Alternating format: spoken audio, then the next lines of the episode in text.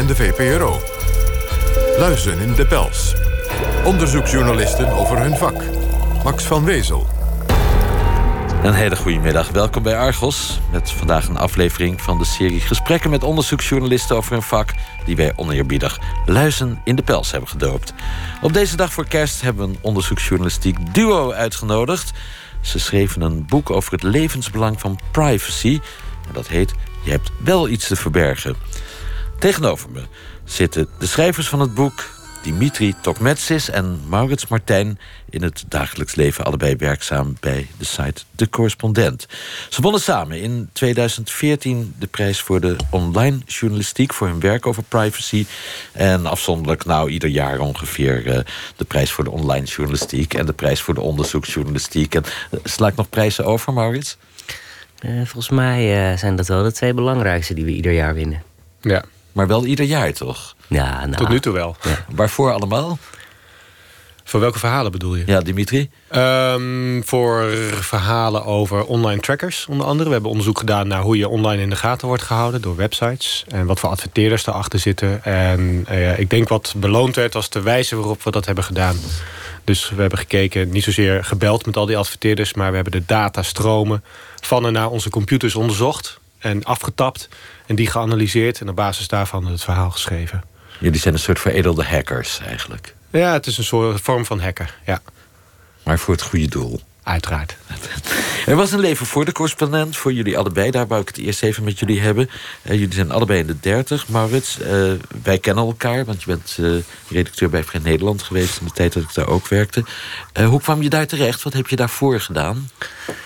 Ik ben gelijk na mijn studies communicatiewetenschap en filosofie uh, daar, daar terecht gekomen. Ik ben er uh, ingerold. Dat was in, in de tijd dat je, dat je er nog in kon, kon rollen, zeg maar. Ik was betrokken bij een, bij, bij, een, bij een clubje studenten. en dat clubje organiseerde samen met, met Vrij Nederland redacteuren debatten. En, en, en, en zo, in, zo kwam ik veel op de redactie. En ging ik af en toe wat schrijven. En toen, toen mocht ik blijven. Waarover schreef je toen voor Vrij Nederland? Uh, in eerste instantie heb ik veel over uh, wetenschap geschreven. Uh, technologie kwam daar al wel vrij snel bij.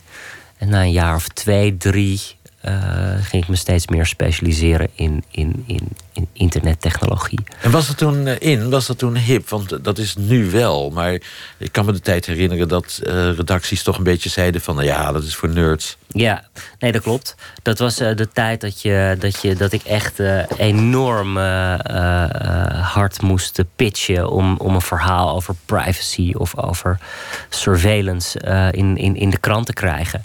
Uh, dat, dat, dat, dat, was toen, uh, dat, dat was toen een ondergeschoven kindje. Ja, dat, dat, dat klopt. Dimitri, jij was een beetje een journalistieke zwerfkei... voordat je bij uh, de correspondent terecht kwam. Klopt, ja. We begonnen bij de stadsredactie van het Utrechts Nieuwsblad, maar Ja. liefst. Hoe kwam je daar terecht?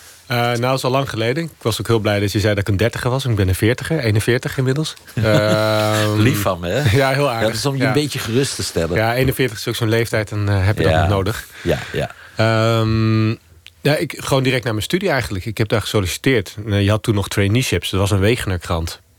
Je had de traineeships voor al die regionale kranten... waarbij ze academici wilden aan, uh, aantrekken. En ik had uh, geschiedenis gestudeerd. En ik wist al wel dat ik uh, de journalistiek in wilde. En ja, ik ben daar doorheen gekomen. En uiteindelijk een opleiding op de redactie gehad. En in, op de Rijksuniversiteit Groningen.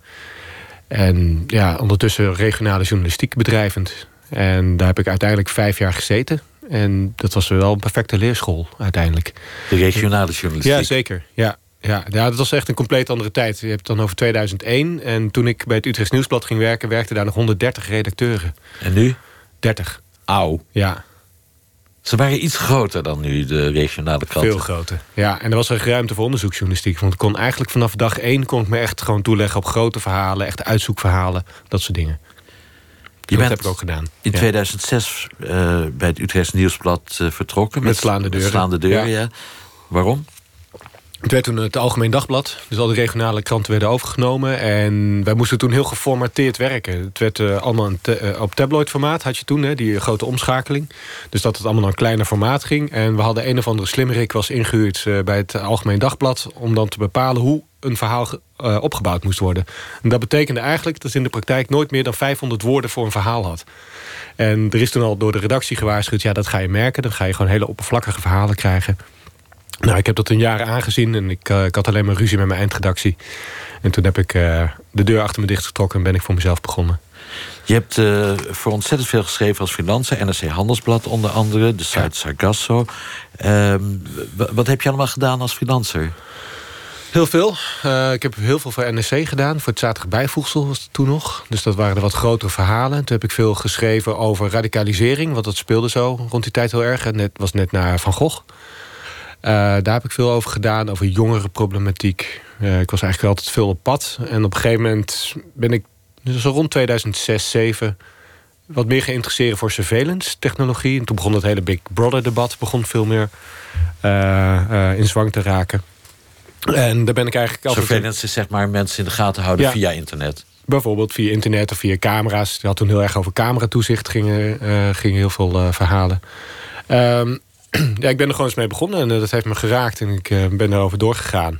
En in 2008 ben ik naar Amerika verhuisd voor een paar jaar, naar New York. En ik heb daar een boek geschreven over privacy. Dat was mijn eerste boek. Dat was je toen een beetje een eenling in Nederland die daarmee bezig was? Er waren er niet veel. Bezig? Nee, ja, Maurits iets later dan nog. Maar het waren er niet veel, nee. En het was altijd wel gevecht om te zorgen dat je niet op de, op de tech-pagina terecht kwam. Of ergens achter op de economiepagina. Een hele zielige plek. Ja, dat is de plek die uh, weinig wordt gelezen. Maurits, je had dus best een goede baan bij uh, Vrij Nederland. En uh, in 2013 was de vogel opeens gevlogen. Je ging naar de correspondent. Waarom die overstap? Nou, um, ja, om maar even een uh, voetbalcliché in uh, te gooien. Dat was een uh, kans die ik niet kon laten schieten. Een uitdaging. Een uitdaging, ja.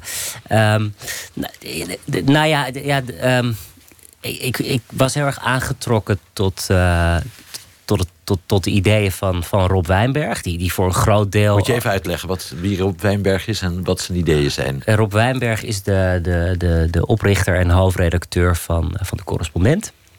Um, en hij uh, is oud hoofdredacteur van NRC Next is daar uh, ook uh, vertrokken in, in, in onmin. Ik geloof halverwege 2002. 2012. En uh, heeft toen een plan bedacht voor een uh, nieuwe uh, online krant, zoals hij dat toen nog, toen nog noemde.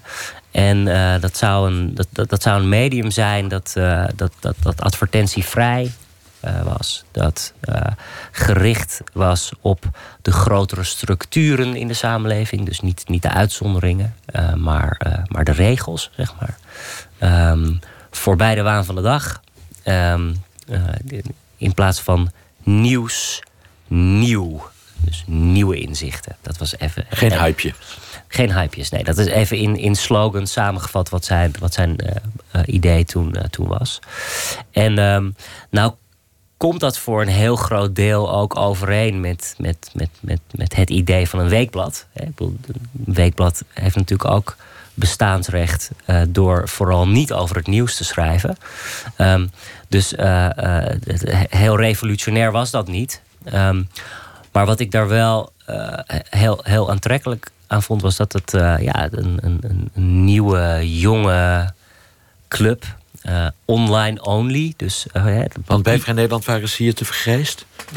Nee, helemaal niet hoor. Nee, ik heb, echt, uh, ik heb daar echt een geweldige tijd gehad. En was ook e- nog lang niet uitgeleerd. Om nog even nog een cliché in te gooien. Maar dat, was, dat is echt wel waar. Maar goed, de, de, de, de, de energie van een, van een nieuw project. Van we gaan iets helemaal van nul opbouwen die was daar niet. Nee, ik bedoel, uh, voor Nederland bestond toen ook al 70 of 72 jaar. Dus heel veel lag al vast. Het was heel moeilijk om. om je wilde pionieren? Uh, ja. ja. En je was de eerste redacteur na Rob Wijnberg, geloof ik. Ja, ja dat klopt. Ja. Ja, je hebt dus... ook geholpen de redactie samen te stellen? Juist, ja. Ja, dus ehm, ik, ik, ik, was, ik was de eerste journalist die zich aansloot.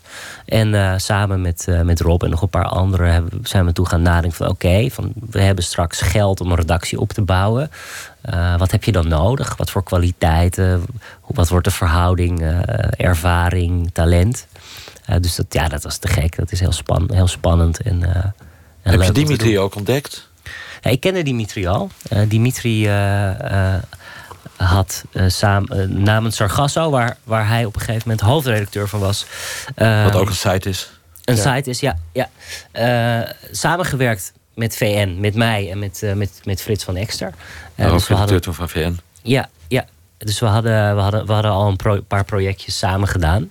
En um, Dimitri heeft toen gesolliciteerd bij de correspondent. Ja.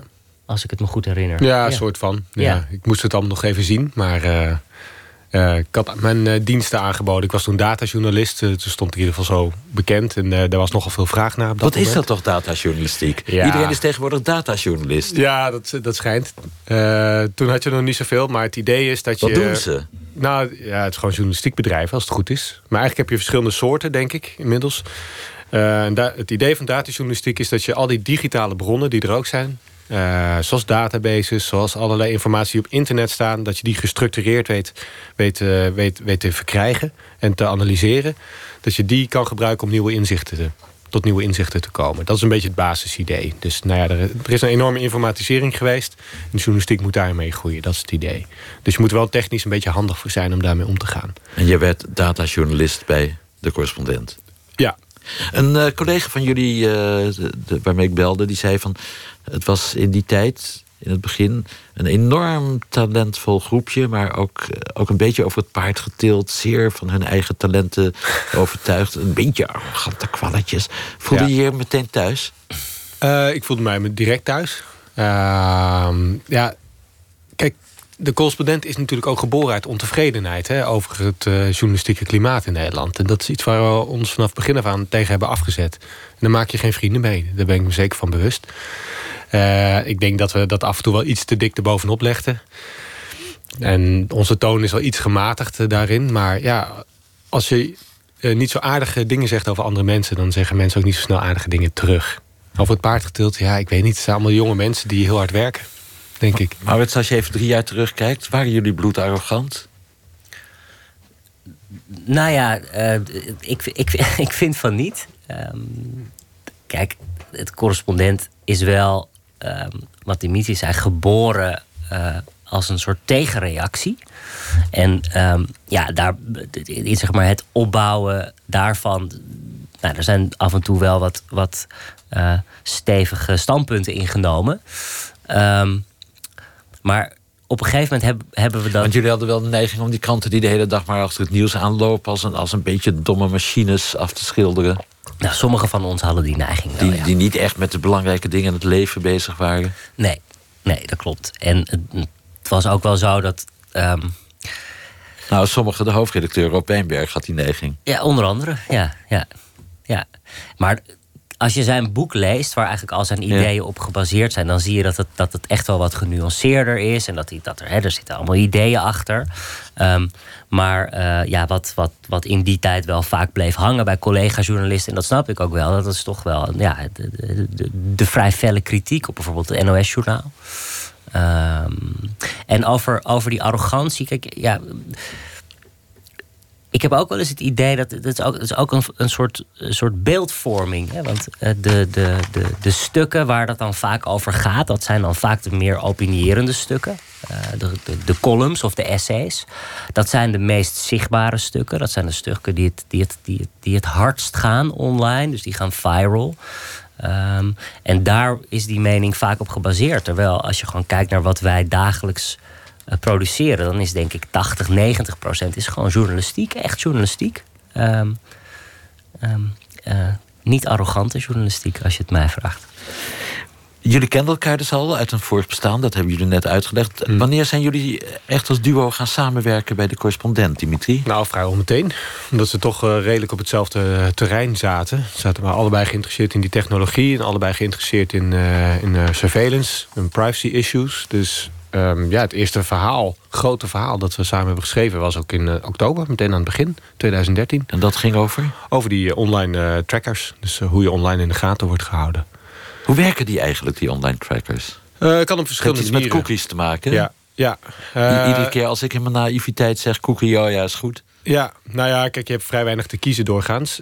wat die adverteerders willen en heel veel analytics bedrijven willen, is jou gewoon herkennen. Ze willen gewoon weten dat jij jij bent. En er zijn allerlei manieren voor om te doen. En cookies zijn het makkelijkst. Uh, het enige wat dat is, is gewoon een code. Dus ze, ze uh, wijzen je gewoon een bepaalde code toe. Die zetten ze in jouw browser. En die kunnen ze uitlezen iedere keer uh, als je op een site komt... waar zij ook op zitten, die adverteerders. Dat is, dat is heel simpel eigenlijk. Dat is alles kunnen zij ongeveer zien waarin jij geïnteresseerd bent? Ze weten precies op welke site je bent, eh, waar op de site, et cetera. En er zijn ook andere methoden die gaan nog veel verder. Sommige beschrijven ook in ons boek erover. Uh, een, een simpel voorbeeld is canvas fingerprinting, noemen ze dat. Daarbij wordt je browser, die krijgt de opdracht van een website... om een onzichtbare tekening te maken. En iedere browser doet dat net weer iets anders. Waardoor dat ook een, iets unieks is. En je doet dat wel altijd consequent anders. Eh, dus uh, iedere keer dat je browser die opdracht krijgt... kunnen ze je weer herkennen dat jij op die site bent geweest. En daar kun je eigenlijk niks tegen doen. Dus ja, er zijn allerlei verschillende manieren om je daarin te volgen. En cookies is er eentje, maar je kan ook aan fingerprinting of dat soort dingen doen. Hoe is jullie taakverdeling geweest bij die artikelen? Want ik weet uit eigen ervaring dat het niet altijd meevalt... om als journalistiek duo te werken. Ik beken eerlijk dat ik wel eens een uh, mok brandende koffie naar het hoofd van mijn duo-partner heb gesmeten. Uh, hij wel eens een toetsenbord naar mijn hoofd. Uh, hoe is die samenwerking tussen jullie? Nou, in, in, inhoudelijk. Um, Dimitri is uh, het, het, het, meest technisch van ons beiden. Dus hij is het best in staat om nou, wat hij net uh, in gewone taal heeft uitgelegd, om, om, om, om daar zeg maar toe te komen aan de hand van technische analyse. Um, ik ben denk ik iets meer uh, een verhalenverteller. Dus uh, ik, ik, ik probeer en dat doet Dimitri ook hoor. Het is niet zo dat, dat ik dat alleen doe en hij dat alleen. Dus we kunnen het allebei wel. Maar als je dan een soort onderscheid wil maken, dan, dan, dan is dat het wel. Dat ik um, wel altijd probeer te denken in, in verhalen. Van oké, dus dan, nou, dan heb je dus die data, maar um, hoe, hoe, hoe breng je het aan de man, zeg maar. Ja. Zie jij dat ook zo, Dimitri, als jullie ja. taakverdeling? Jij de onderzoeker, hij de verteller? Nou, we weten precies van elkaar wat we doen. Ik bedoel, uh, ja, Maurits doet zichzelf wel een beetje tekort. Hij begrijpt ook heel goed hoe die technologie werkt... en wat het allemaal doet en zo. Het verschil zit dat ik het wat meer uitvoerende werk daarvan doe. En uh, ja, ik denk dat we elkaar gewoon heel goed aanvullen daarin. En uh, ook heel kritisch kunnen zijn op elkaar. Dus ja, vanaf begin af aan liep het, loopt die samenwerking volgens mij heel soepel. Dus ook met het schrijven van dit boek. Het is gewoon moeilijk om samen een boek te schrijven. Maar eigenlijk is dat heel soepel gegaan bij ons. Gewoon omdat we gewoon eerlijk kunnen zijn tegenover elkaar. Dus uh, gewoon kunnen zeggen, ja, wat je hier hebt geschreven is gewoon niet goed. Doe maar opnieuw. Of uh, laat mij het maar doen. Of, uh... En wie zei het vaakst, dit is niet goed tegen de ander? je, je, bent op zoek naar een conflict. Wij hebben geen toetsenborden naar elkaar nee. gegooid.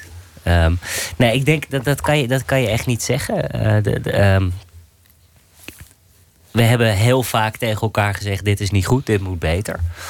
En um, gelukkig hebben we ook de tijd ervoor gekregen. Dus, uh, dus, dus, uh, dus we zijn bijna een jaar bezig geweest met het opschrijven van, van, van, het verhaal. Um, en uh, daar, ja, daar, als je de, de, versie die er nu ligt vergelijkt met de eerste versie, nou, daar is gewoon, die is helemaal kapot becommentarieerd. Het is nogal een onderwerp, het surveillance kapitalisme. Die term valt ergens in het boek. Een hele nieuwe vorm van kapitalisme die gebaseerd is op wat Dimitri net uitlegde van hoe kom je aan de gegevens van consumenten en hoe kun je die consumenten daarna be, be, benaderen en mm -hmm. hoe gebruik je internet daarbij. Uh, het, het, lijkt me een werk van enorme lange adem. Hebben jullie dat allebei, die lange adem? Ja, ja ik denk het wel. Ja, we zijn. Nou, wel in ons voordeel spreekt... is dat we wel moeite hebben juist om ergens heel lang op te focussen. Maar dat heb je bij zo'n onderwerp ook nodig. Omdat er heel veel verschillende... over heel veel dingen gaat. Hè. Ik bedoel, het gaat over commercie, maar het gaat ook over... hoe de Belastingdienst bijvoorbeeld met onze data omgaat. Het gaat over uh, veiligheidsbeleid. Het raakt heel veel dingen. En we zijn allebei best wel ongeduldig... en allebei ook wel redelijk impulsief. Dus als we iets denken van... hé, hey, dit vinden we leuk, dan gaan we dat gewoon doen.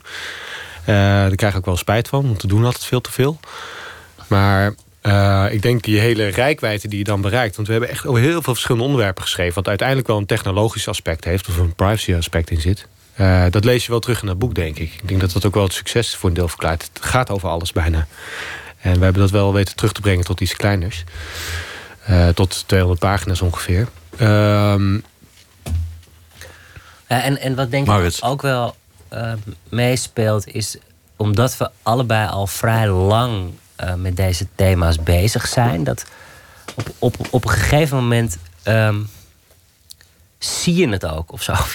het is een beetje moeilijk uit te leggen, maar um, uh, vier jaar geleden vond ik het heel moeilijk om uh, op een feestje uit te leggen um, waarom privacy belangrijk is, bijvoorbeeld. En waarom we ons daar zorgen om, om maken. En we merkten wel door, door die lange adem die we allebei al, al vrij lang hebben, dat dat op een gegeven moment begon dat. Uh, um, ja, ging, dat meer kloppen of zo? Of ik, je kan er een verhaal van maken. Ja. Voor jezelf. Ja. Een logisch verhaal. Ja, precies. En, um, en, en als dat eenmaal gebeurd is, dan is het ook veel makkelijker om al die andere aspecten die ook bij dat onderwerp horen, om die erbij te trekken en, en, en, en in het boek te schrijven, in het verhaal te verwerken. Een soort klik. We gaan straks even kijken of jullie het, net als op die feestjes, aan mij kunnen uitleggen welke gevaren er schuilen op internet. NPO Radio 1. Argos. En u luistert naar Argos Luis in de Pels, onderzoeksjournalisten over hun vak. En vandaag zijn wij met de gast Maurits Martijn en Dimitri Tokmetsis. Ze werken voor de site De Correspondent en schreven dit jaar een zeer veel gelezen boek over privacy en de digitale wereld. Uh, we hadden het er al even over in hetzelfde jaar 2013 dat jullie begonnen bij de correspondent. Was er groot nieuws over de activiteiten van de Amerikaanse inlichtingendienst, de NSA. We gaan even luisteren naar de verklaring van klokkenluider Edward Snowden, die die gaf nadat hij moest onderduiken. Uh, a little over one month ago, I had a family, a home in paradise, and I lived in great comfort. I also had the capability, without any warrant of law, to search for, seize, and read your communications. Anyone's communications at any time. That is the power to change people's fates. It is also a serious violation of the law. I believe in the principle declared at Nuremberg in 1945. Individuals have international duties which transcend national obligations of obedience. Therefore, individual citizens have the duty to violate domestic laws to prevent crimes against peace and humanity from occurring. Accordingly, I did what I believed right and began a campaign to address what I witnessed. I did not seek to enrich myself. I did not seek to sell U.S. secrets. That moral decision to tell the public about spying that affects all of us has been costly. But it was the right thing to do, and I have no regrets. Ja, Edward Snowden die in 2013 uitlegde dat hij zijn luxe leventje had opgegeven om het NSA-schandaal te kunnen onthullen. En dat hij daar principieel helemaal achter blijft staan. Omdat de privacy van het individu echt in gevaar werd gebracht door die inlichtingendienst.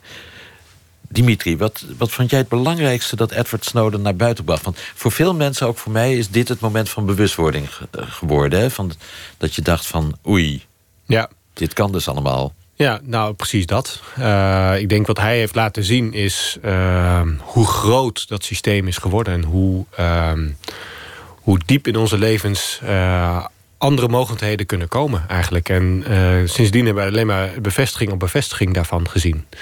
Um, een van de meest interessante lessen die ik uit de Snowden-onthullingen heb getrokken... is dat eigenlijk het gevaar van commercie... en eigenlijk het gevaar van Facebook en Google en dat soort diensten Want wat, uh, wat ze hebben laten zien is, uh, in tegenstelling tot bijvoorbeeld de Stasi of die oude, oude of de KGB van vroeger, die hadden een heel apparaat opgebouwd van spionnen, et cetera. Uh, die hebben dat allemaal zelf moeten doen en dat was moeilijk en kostbaar. Maar wat je de NSA ziet doen en de, en de andere diensten, is ze hoeven zelf hebben bijna niks meer te bouwen. die hele infrastructuur om ons te bespioneren, dat is die commerciële infrastructuur. Dat gaat via Facebook, dat gaat via Google. Dat Wij gaat worden via... niet door de NSA bespioneerd, maar we worden door Google bespioneerd. En de NSA bespioneert vervolgens Google om ons te bespioneren. Dat, is het, dat was voor mij een van de belangrijkste inzichten eruit. En dat die commerciële surveillance, om het zo maar te noemen... Uh, zeker niet onschuldig is. We zeggen altijd, ach, het gaat maar over advertenties. Maar uiteindelijk uh, wordt hier een systeem opgebouwd... dat diep in onze levens dringt. Maar geven Facebook en Google hun gegevens dan zomaar aan de geheime dienst? Jazeker. Ja, dan zijn ze wettelijk toe verplicht. De, de NSA, die, dat, dat onthulde Edward Snowden. De NSA die pakte gewoon een kopie ervan, zonder dat Google dat wist. Aan de ene kant deden ze dat aan de voordeur. Dan vroegen ze gewoon, geef ons alsjeblieft de data van, van die en die. Aan de andere kant bleek dat ze de, de datacenters van Google bijvoorbeeld aftapten. Eh, zonder dat Google dat wist. Nou, Google heeft dat allemaal verbeterd zelf. Maar nog steeds zijn ze verplicht om soort data gewoon te geven... als de overheid daarom vraagt. En sommige providers, uh, telefoniemaatschappijen... die verkopen dat gewoon aan de NSA inmiddels. Dus die, eh, de NSA kan gewoon zeggen van... ik wil graag het sociale netwerk hebben van iemand. Een, uh, een bedrijf als Verizon, een hele grote telecomaanbieder in Amerika... die, die krijgt gewoon geld voor. Maurits, het ging om de, het bekendmaken, het onthullen van de sleepnetmethode... het uh, datavissen. Hoe, hoe werkt dat precies, die sleepnetmethode? Nou, er, er is niet één sleepnetmethode. Het sleepnet is een, uh, zou je kunnen zeggen, metafoor voor uh, het binnenhalen van heel veel data. Um, en dat, ja, dat kan op verschillende manieren. Um, een van de manieren is om uh, kabels een soort kopie te maken van dat wat er door kabels stroomt. En dan moet je dus denken aan uh, telefonie en internetverkeer. Nou, daar kun je, ik, ga, ik zal niet in de technische details treden, maar je kunt daar een, een, een, een kopie van maken, zodat het uh, niet alleen door, doorstroomt via de kabel, maar dat het ook naar, naar, naar jouw database stroomt. Dus dat je het het in jouw, in, in, in jouw database hebt. En vervolgens kun je dat gaan analyseren. Um, dat is heel globaal uh, een van de belangrijkste vormen van de sleepnetmethode. Het is gewoon licht. Doel, al die data zijn licht. Dus je, en, en je hoeft er alleen maar naar te kijken, eigenlijk. En dat lichtsignaal te, te kopiëren. Zo simpel is het. En wat is het gevaar voor de privacy? Nou, kijk, het probleem is, je moet het niet alleen als privacy zien. Het probleem zit dieper dan dat. Als je het over privacy hebt, dan gaat de discussie vaak al snel over dingen te verbergen hebben. Hè. Ik wil niet dat iemand van de NSA uh, kan zien wat ik aan het doen ben of waar ik ben. Daar gaat het niet om. Uh, de discussie gaat verder. Want namelijk wat vaak niet beseffen is dat die data ook gebruikt worden. Continu. Zijn allerlei bedrijven en overheden die de hele dag door dit soort data aan het verzamelen zijn over ons. Er komt een databases, kan je vervelend vinden... maar die data worden ook continu gebruikt om allerlei beslissingen over ons te nemen. Vaak geautomatiseerd, door middel van allerlei algoritmes... die dat geautomatiseerd doen. Uh, en die besluiten die hebben ook gevolgen voor ons. En het is dan heel moeilijk voor ons nog te zien hoe zo'n besluit tot stand is gekomen. Op basis van welke data? En kloppen die data?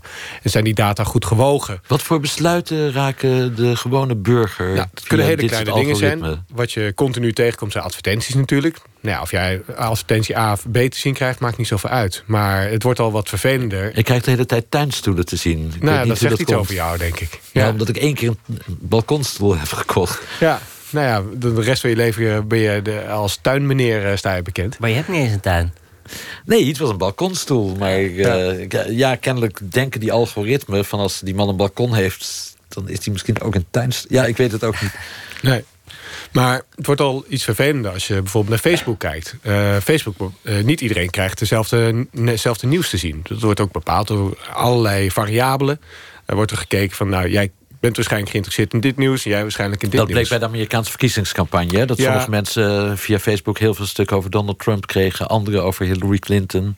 Ja, dat ging vooral over uh, uh, vals nieuws of uh, fake nieuws. Ehm, maar je ziet het bij de Black Lives Matter-beweging zag je dat heel sterk. Dat op het moment dat iemand excuus, werd doodgeschoten een zwarte Amerikaan, dan uh, stond dat vol op uh, Twitter. Dat leefde heel erg, want daar wordt niet gefilterd. Maar op Facebook kregen mensen dat niet te zien. Terwijl er gebeurt iets van nationaal belang op zo'n moment. En mensen die uh, in een bepaalde Facebook-bubbel zien... die zien dat nieuws niet meer. Dus dat heeft grotere gevolgen. Maar het heeft ook gevolgen voor bijvoorbeeld... als jij een verzekering aanvraagt of als je een lening aanvraagt. Er wordt ook naar allerlei data van jou gekeken... waar je woont, bijvoorbeeld heel belangrijk je postcode of jij die lening krijgt of niet. En als je dan belt, je krijgt het niet. En je belt op en je zegt eh, tegen de bank... waarom krijg ik die lening niet? Dan krijg je waarschijnlijk een antwoord van... ja, de computer zegt het. Maar waarom zegt die computer dat? Uh, of als je de grens over wil, als je naar Amerika gaat... op het moment dat jij een reis boekt naar Amerika... dat moment dat jij uh, dus je creditcardgegevens achterlaat en betaalt... op dat moment wordt er al bepaald of je Amerika in mag of niet. Dan heb je ESTA-formulier, heb je nog niet ingevuld. Je bent nog niet op Schiphol geweest. Maar op dat moment wordt al bepaald. Nou, daar zitten allerlei aannames achter... waarom jij ofwel dat niet zou mogen doen. En wij weten helemaal niet wat die aannames zijn. En we weten niet of die data klopt. Dus wat wij eigenlijk zien als een vrij beperkt privacyprobleem... is eigenlijk een veel groter probleem. Dat raakt hele andere dingen. Dat gaat over discriminatie en over solidariteit... in het verzekeringswezen bijvoorbeeld. Zijn veel grotere waarden die op het spel staan. Ja, en, en wat, wat, wat ook nog belangrijk is daarbij... is dat... Ehm, er op dit moment, uh, ook door de Nederlandse overheid, enorm veel data uh, wordt verzameld en die wordt opgeslagen. Um, en je zou kunnen zeggen dat het op dit moment wellicht uh, onschuldig is. En dat er zitten allemaal goede bedoelingen achter. Er worden misschien ook wel goede dingen mee gedaan. Um, maar we weten niet hoe dat over vijf jaar is. En over, of over tien jaar. Um, als wij wel eens een praatje houden over ons boek uh, dan uh, zeg ik altijd, of dat zei ik altijd tot een maand geleden. Stel je voor dat Donald Trump president wordt van de Verenigde Staten. En Donald Trump heeft zeg maar de infrastructuur uh, in handen die de NSA de afgelopen jaren heeft aangelegd. Ja, heb je dan nog steeds niets te verbergen? En kijk eens naar de voorstellen die Donald Trump tijdens de campagne heeft gedaan. Stel je voor dat hij er daar de helft van, uh, van, van, wil gaan uitvoeren. En hij heeft deze mogelijkheden. Um, ja, wat dan? En dat idee dat je dus de toekomst niet kent, dat je niet weet uh, wat de stand van het land is over vijf jaar, maar dat je ook niet weet wat bijvoorbeeld de stand van de technologie is over vijf jaar als je ziet hoe snel de ontwikkelingen gaan. Het kan steeds totalitairder worden. Het kan totalitairder worden, maar het kan dus ook steeds geavanceerder worden. Wat, wat, wat de algoritmes uh, van 2020 kunnen, dat is onvoorstelbaar voor Dimitri, ons op dit moment. Even concretiseren. Ik ga op mijn iPad nu even op NuNL kijken bijvoorbeeld. Wat, wat gebeurt er dan in mijn computer wat ik allemaal niet weet?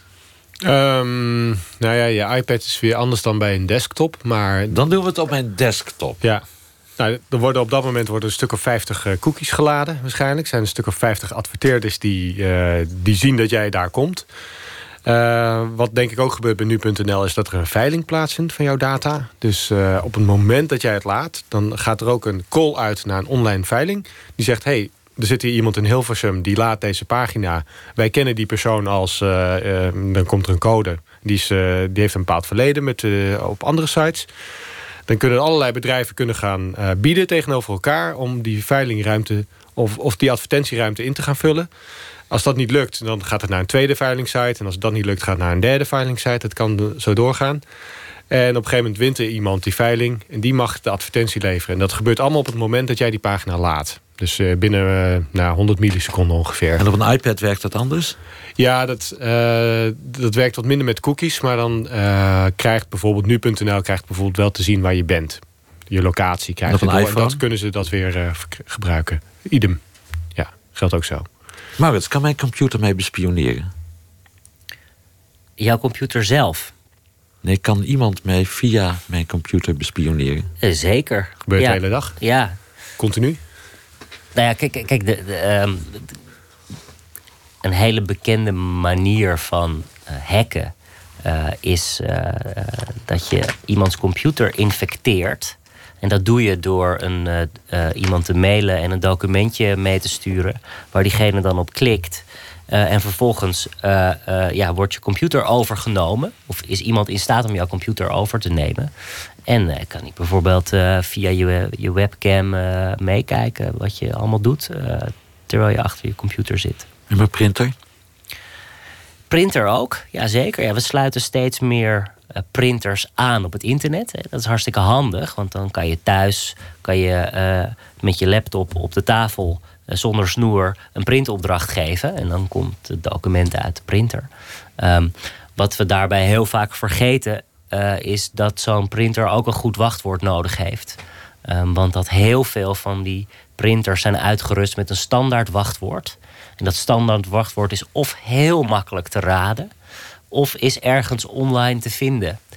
Um, en op het moment dat je, uh, dat, je, dat je dat weet, dus als je uh, iemands wachtwoord weet en je weet het IP-adres, um, dan is het mogelijk om zo'n printer over te nemen. En dan kan je dus bijvoorbeeld uh, printopdrachten geven. Dus dan komt er opeens iets uit een printer. Um, maar je kunt bijvoorbeeld ook, sommige printers hebben ook een geheugen. Dus dan kun je ook kijken wat iemand het afgelopen jaar heeft, uh, heeft geprint. Uh, wat vrij gevoelige informatie kan zijn. Welke huishoudelijke apparatuur moeten we verder wantrouwen? De babyfoon, begrijp ik uit jullie boek. Uh, de babyfoon, ja. Uh, de, de, de, de, de, de, kamer, de beveiligingscamera's. Die, uh, die, die, die, Alle, alles wat je op het internet aansluit, ja. zo ongeveer. Er gaat nu een... vibrator. vibrator. Daar moet je ook mee oppassen. heb je ook al. Koffiezetapparaat. Er waart nu een virus rond op de wereld. Het Mirai-virus noemen ze dat. Dat besmet dus al die apparaten. en die gebruiken dat om andere sites bijvoorbeeld plat te leggen... of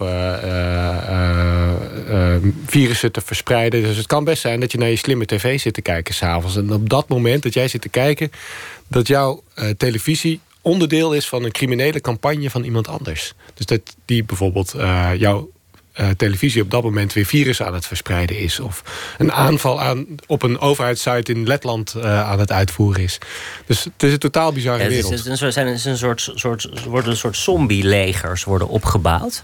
Die uh, door de beheerder van het zombie-leger met één knop op de druk kan worden geactiveerd. En dan kan dus inderdaad jouw tandenborstel kan ervoor zorgen dat er een server in de Oekraïne plat wordt gelegd. Niet in zijn eentje, maar met allemaal bevriende tandenborstels. Dan zit ik met een dilemma. Een enorm persoonlijk dilemma. Want ik, ik geloof jullie onmiddellijk dat deze gevaren dreigen. Maar ja, ik ben echt totaal verslaafd aan die iPhone en die apps en die. Ja, ik denk dan van, nou ja, dan, dan bespioneren ze me maar. Dan, dan gebruiken ze me maar met, uh, voor, voor uh, aanval in Letland. Maar uh, ik kan niet meer zonder. Mm -hmm. Ja, maar dat het is niet het een of het ander. Ik denk dat het ook niet nodig is om de technologie helemaal te moeten verwerpen of niet te kunnen gebruiken. Het moet gewoon beter gemaakt worden. Uiteindelijk. Je moet meer controle krijgen over die apparaten. Kijk, wat ze nu al beseffen, ook met dat virus wat ik net beschreef, met de internet der dingen apparaten.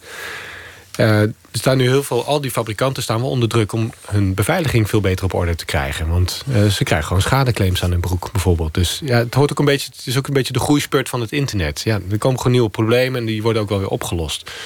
Aan de andere kant is het wel goed om ook uh, als gebruiker er zelf over na te denken. Van hoe kan ik mijn datasporen wat verkleinen? En die mogelijkheden zijn er ook. Ik bedoel, de techniek kan je daar ook weer bij helpen. Je kan uh, bijvoorbeeld uh, je vrienden aansporen om niet uh, alleen maar via WhatsApp te, te, praten met elkaar, maar via Signal. Dat is veel, veiliger. veel veiliger. En dat werkt ook goed. je kan zorgen dat je een wachtwoordmanager gebruikt, zodat je heel veel verschillende wachtwoorden kan gebruiken. daar heb je wel het gebruikersgemak van. Maar je bent gewoon een stuk veiliger dat als er een keer iets wordt gehackt, en uiteindelijk wordt alles een keer gehackt, dat er maar één wachtwoord op straat ligt. En niet uh, dat ene wachtwoord dat je voor alles gebruikt. Bijvoorbeeld. En je kunt, je, je kunt jezelf ook de vraag stellen: uh, ja, is het wel handig als ik alleen maar gebruik maak van gratis diensten? Uh, Google bijvoorbeeld. Google is geweldig. Wij gebruiken het ook. Maar um, het is gratis. Je hoeft er niks voor te betalen. Um, maar in ruil daarvoor uh, geef je Google wel toegang tot, tot een heel erg groot deel van, jou, van, van je persoonlijk leven. Um, en um, als je je daar echt van bewust bent, als je dat tot je door laat dringen, wat dat betekent. ja, misschien dat, dat, dat, dat, je dan wel bereid bent om bijvoorbeeld een betaal, betaalde mail te nemen. 30 euro per jaar, prima. Um, dus, dus dat bewustzijn is denk ik wel echt, echt heel erg belangrijk. En uh, um, uit onderzoeken blijkt ook wel dat, dat Dat als ik, jou, als ik jou nu vraag, vind je privacy belangrijk? Dan zeg je waarschijnlijk ja, zoals ongeveer 80, 85 Ja, maar ik doe er niks mee. Precies. En dat, is, dat, dat, dat heet de privacy paradox. Mensen zeggen het belangrijk te vinden, maar gedragen zich er niet naar. Um, en een van de belangrijke verklaringen uh, voor die privacy paradox is uh, ook een soort uh, berusting. He, dus je hebt er wel van gehoord, oké, okay, ik word bespioneerd. maar ja, ik kan er toch niks aan doen, want wie ben ik? Uh, ik leg me erbij neer. En hoe moet die uh, vibrator beter worden beschermd? Uh, dat leg ik je na de uitzending uit, Max. Dan ga ik iets anders aansnijden. Namelijk, we hadden het er al even over hoe die geheime diensten hierop inspelen. Um, even een citaat daarover van Rob Bertollet, de chef van de AIVD. Die sprak vorig jaar uh, op een bijeenkomst die de correspondent organiseerde. Wij hebben als dienst vergaande bevoegdheden om informatie te vergaren. En daar zijn we ons heel goed van bewust. Als we die bevoegdheden inzetten, dan maken we inbreuk op de persoonlijke levenssfeer van mensen, op hun privacy. Dat is vandaag de dag een veelbesproken thema. Dat zal het ook in de toekomst blijven. Dat hoop ik tenminste. En laat ik dat uitleggen. Wij kennen in Nederland, we realiseren ons dat niet altijd, maar we kennen in Nederland een hoog niveau van veiligheid en comfort. In de discussie over veiligheid, privacy en de bevoegdheden van diensten stellen we steeds de vraag: hoeveel privacy wil je opgeven voor je veiligheid? Ik wil die vraag graag eens omdraaien. Hoeveel veiligheid wil je opgeven voor je privacy? Hoeveel veiligheid wilt u opgeven voor uw privacy? De een wil geen enkele concessie doen. Die zegt, ik wil veilig over straat. Ik wil veilig in de bus. Ik wil veilig in de trein. Ik wil veilig in het vliegtuig. En als dat gepaard gaat met minder privacy, so be it. Ik heb niks te verbergen. De ander die vindt iedere inbreuk op de privacy, hoe beperkt ook en hoe gecontroleerd ook, er één te veel. Daar leid ik uit af dat hij zonder meer bereid is om concessies te doen aan zijn veiligheid. De AIVD die laveert elke dag weer opnieuw wij mensen laveren elke dag weer opnieuw tussen deze twee uitersten. Maken iedere dag de afweging of het doel van ons onderzoek, het inzetten van de bevoegdheden en de inbreuk van de privacy, of die wel met elkaar in balans zijn. Vanuit Raqqa zijn de Nederlandse computers van kwetsbare jongens en meisjes in Nederland met enkele klikken te bereiken. ISIS, de Daesh zoals ze hem noemen, hoeft niet te reizen, niet fysiek. ISIS wacht gewoon tot in Nederland iemand een eerste voorzichtige stap doet op het radicalere gedeelte van het internet. ISIS heeft geen clubhuis dat we onder observatie kunnen houden. ISIS heeft geen vaste telefoon, geen account bij de KPN waarop we een tablast bij de minister kunnen aanvragen. Een staatshacker uit een land dat niet zelf nieuwe producten wil bedenken, maar het credo liever goed gejat dan slecht bedacht aanhangt, neemt niet de bus naar zijn doelwit, maar reist per glasvezel. Het is onze verantwoordelijkheid om uit te kijken naar dat ene gesprek of naar die ene worm die onze samenleving bedreigt. Die tijdig te onderscheppen en die onschadelijk te maken. Gericht met middelen die succes mogelijk maken. In de Koude Oorlog kon een microfoon in een leunstoel het verschil maken. In de 21ste eeuw zal dat niet meer toereikend zijn, want de wereld verandert. En wij bij de AIVD veranderen dus mee. Dat moeten we. Omdat de dreigingen in de toekomst uit Raqqa komen. Of uit de rand van Europa. Of uit Azië. Of uit Afrika. Omdat de dreigingen nog steeds gewoon met het vliegtuig komt. Of over de weg. Maar we veranderen vooral omdat de dreiging steeds meer is verpakt in bits en bytes. Hoe de dienst er in de toekomst uitziet en hoe effectief de dienst kan zijn, met welke middelen? Ik weet het niet. Veel hangt af van de vraag: hoeveel veiligheid willen wij ruilen voor privacy?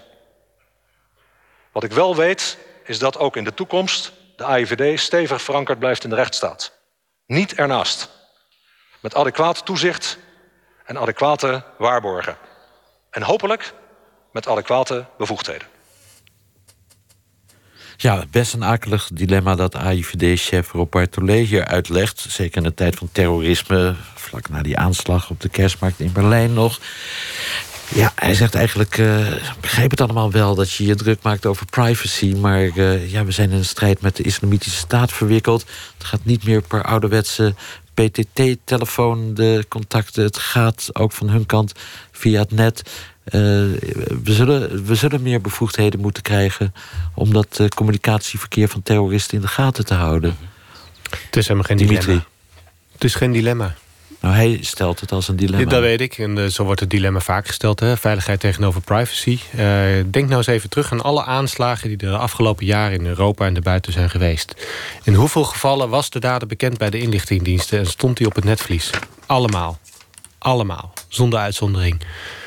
Uh, dit soort maatregelen, het in de gaten houden van mensen... wordt vaak gebracht van we moeten terroristen kunnen vinden. We moeten ze kunnen opsporen, et cetera. Ze zijn allemaal bekend. Het probleem is, er is geen gebrek aan informatie in deze wereld.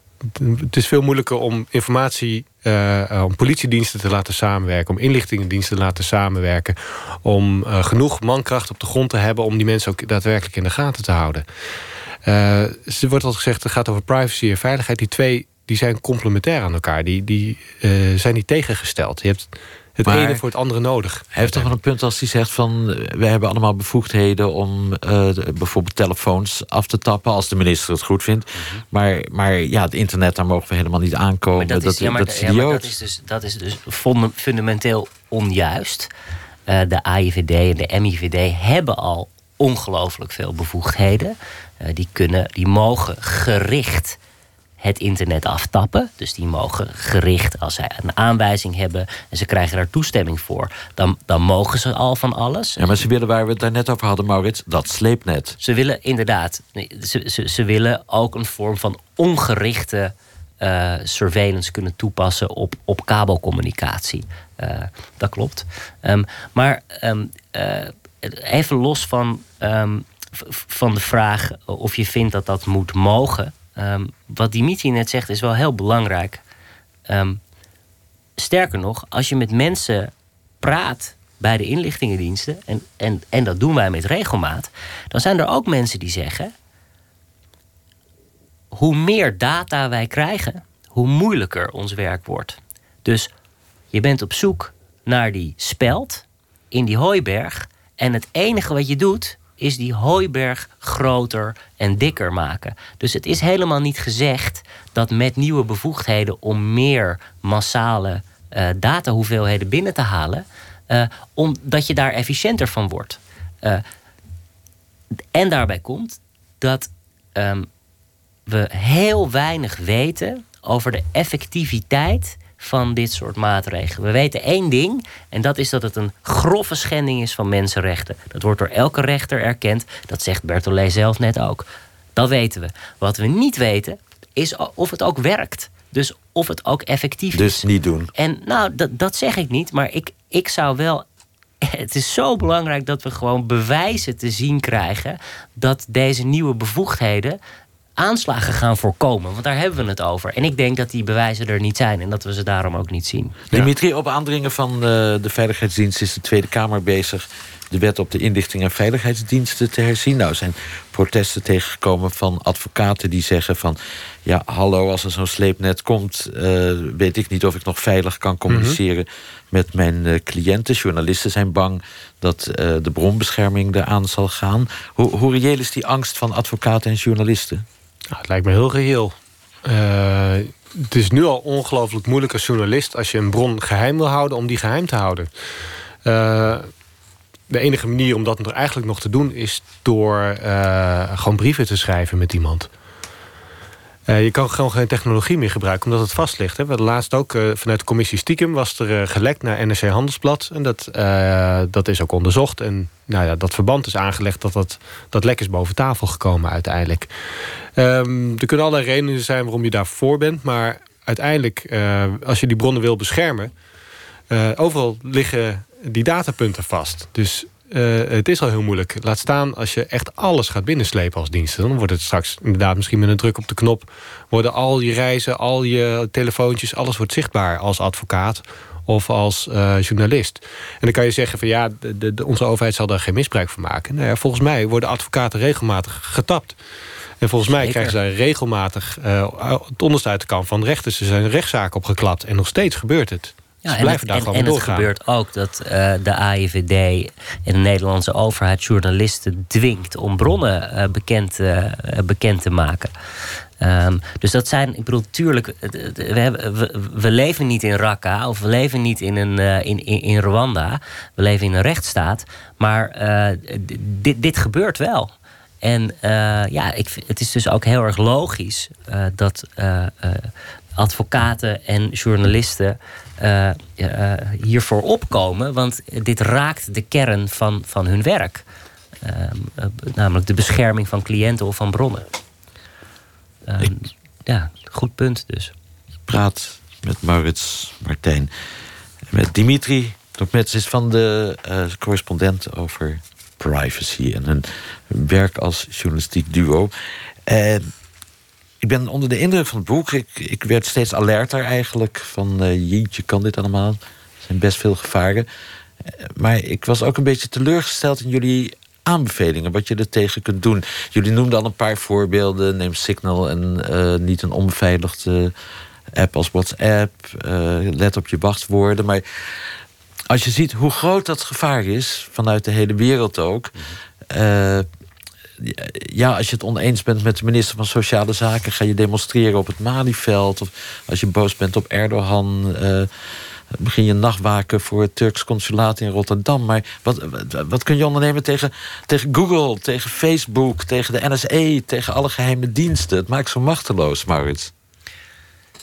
Ja, ja dat klopt.